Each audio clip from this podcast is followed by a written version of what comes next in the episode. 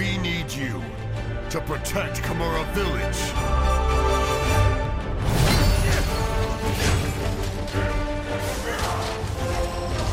Det tok to år, men nå er endelig Monster Hunter Rise ute på alle plattformer.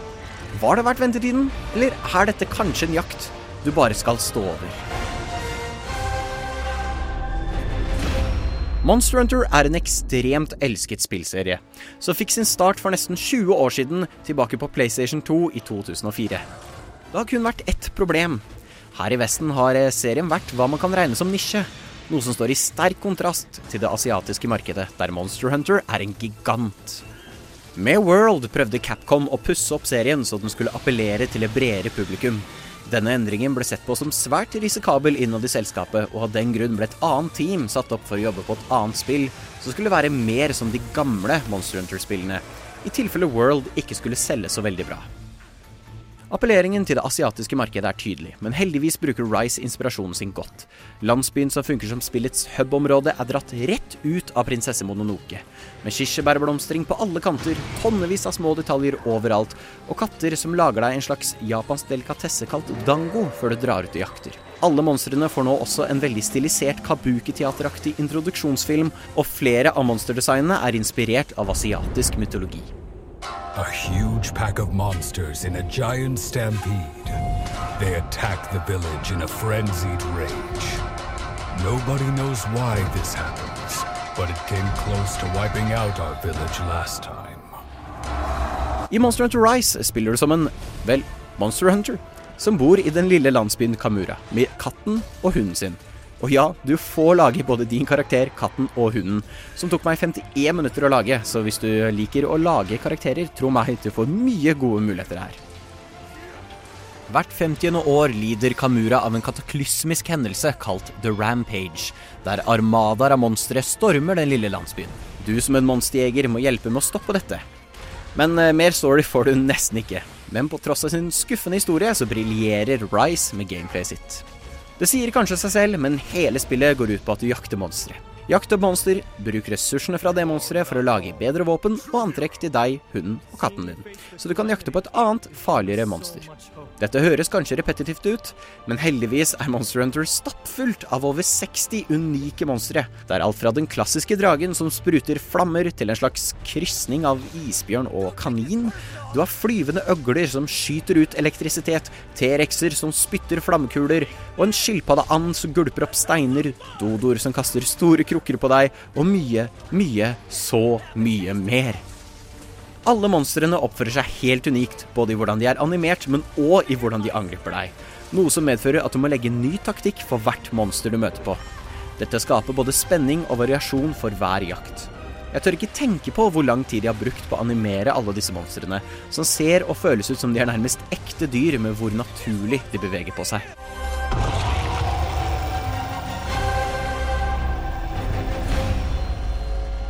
Du kan ikke bare ta ned monster med knyttnevene dine, du trenger jo våpen.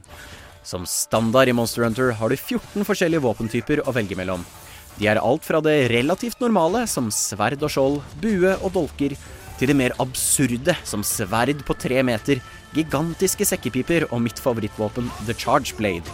Et sverd og et skjold der du kan sette sverdet inn i skjoldet og transformere det til en gigantisk øks.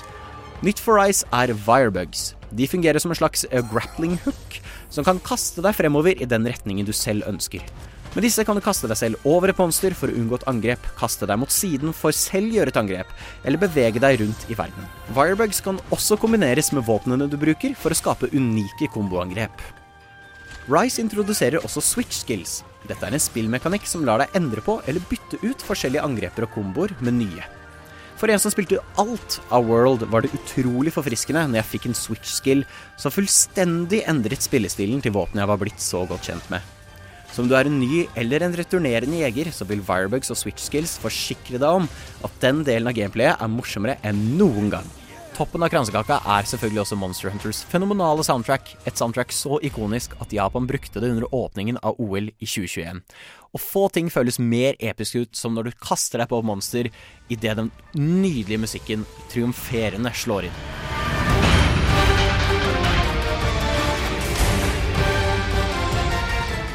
Rise har også gjort store endringer når det kommer til flerspillerdelen av spillet. Monster Hunter World var utrolig moro å spille med venner, men føltes også frustrerende utdatert når det kom til brukervennligheten. Om World er et oppringningsmodem fra 90-tallet, så er Rise som en flunkende ny 5G-ruter.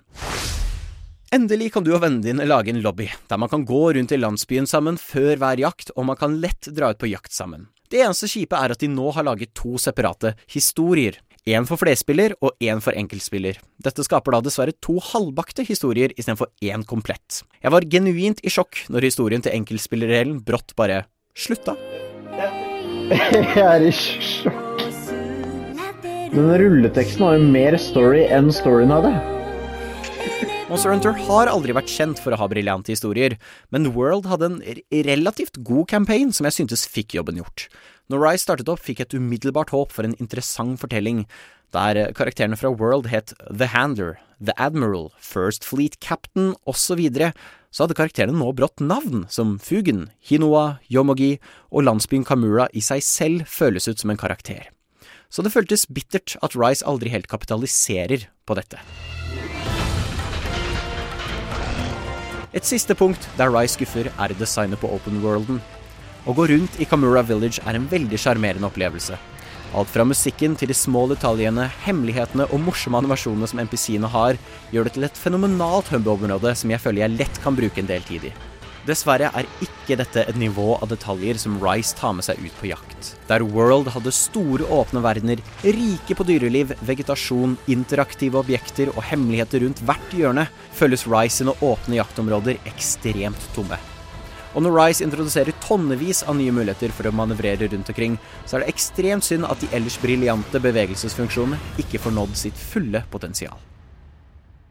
I konklusjon er Monster Hunter Rise et fenomenalt morsomt og sjarmerende spill.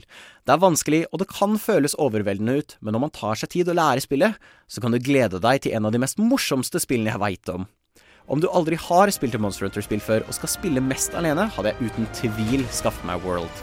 Og om du har spilt World, eller du skal spille mest flerspiller, så kommer du ikke til å angre på at du kjøpte Rise. Monster Hunter Rise klarer aldri helt å nå toppene til World.